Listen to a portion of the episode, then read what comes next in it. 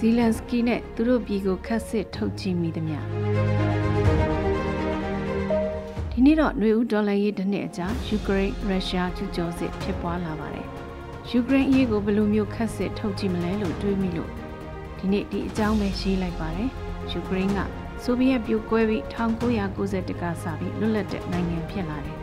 အရှေ့နဲ့အနောက်နိုင်ငံရေးလုံဆွဲမှုတွေထဲမှာလူလိမ့်နေတဲ့အဖြစ်ဖြစ်တယ် ရုရှားလိုလားတဲ့အစိုးရတက်လိုက်နောက်အုပ်စုအကြိုက်အစိုးရတက်လိုက်နဲ့အတက်အကျများတဲ့အတိုင်းပြည်ပါ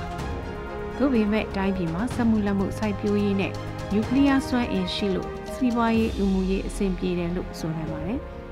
မတည်ငြိမ်တာကနိုင်ငံရေးပဲဖြစ်ပါတယ်အစပိုင်းမှာရုရှားရင်းနဲ့နိုင်ငံရေးကောင်းဆောင်တွေရဲ့လက်ဝဲဩဇာသိမ်းသွင်းမှုတွေကတလက်မြို့သားရေးရှေ့တန်းတင်တဲ့လက်ရကောင်းဆောင်တွေဘက်ကလည်းတိုင်းသူပြည်သားတွေကိုဤအမျိုးမျိုးနဲ့ အစွန်းရောက်လူမျိုးရေးဘာသာရေးအတွေ့အခေါ်တွေသွတ်သွင်းခဲ့ကြပါတယ်။ရွေးကောက်ပွဲဆိုတာကလည်းနိုင်ငံရေးသမားတွေကမဲဆန္ဒရှင်တွေကိုလူရဆွဲကြိုးဆွဲပြိုင်ကြတဲ့ပွဲတွေထက်ပိုမထူးပါဘူး။2004နိုဝင်ဘာသမရရွေးကောက်ပွဲ second round မှာသမရကော့ချ်မအစိုးရအဖွဲ့ရဲ့ဝန်ကြီးချုပ်ဗစ်တာယူနိုကိုဗစ်ကအနိုင်ရတယ်ဆိုပြီးစရင်ထွက်လာတယ်။သူက pro Russia ပူတင်ကတော့ congratulation လုပ်တယ်။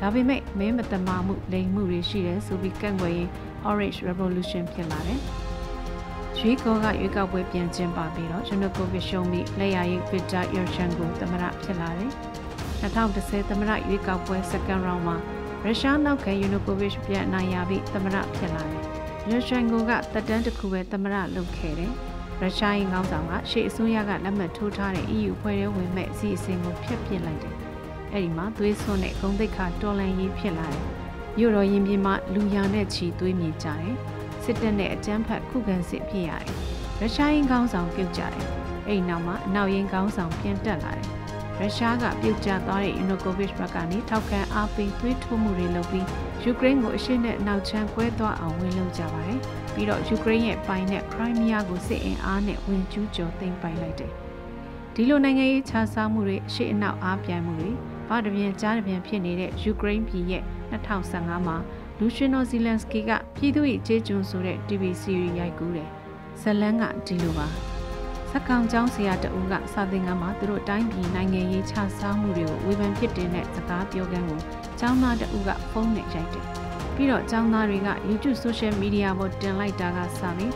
တိုင်းပြည်ကကျောင်းဆရာကိုအရင်သဘောကျနှစ်သက်သွားကြတယ်။အဲ့ဒီကျောင်းဆရာကိုသမရခံလိုက်ကြတယ်။ အဲ့ဒီ TV series နဲ့ Zelensky လူရှင်တော့လူသိညာထင်ရှားလာတယ်။သူကအဲ့ဒီဇက်ကောင်အတိုင်း2019မှာယူကရိန်းသမရဝင်ပြိုင်နေသူ့ကိုပြည်သူကရုပ်ရှင်တွေကကျောင်းဆရာလိုမျိုးမျှော်လင့်ပြီးမဲပေးလိုက်ကြတာပဲ။သူတက်လာတော့ပြည်သူတွေကမင်းသားလိုလိုသူရဲကောင်းလိုလိုသဘောထားကြတယ်။သူကလည်းနေတိုင်း Facebook GB တိုင်းပြည်အုပ်ချုပ်နေတယ်လို့ဆိုကြတယ်။သူကရုရှားနဲ့အဆင်ပြေအောင်ကြိုးစားတယ်။ American နဲ့အဆင်ပြေအောင်လည်းကြိုးစားတယ်။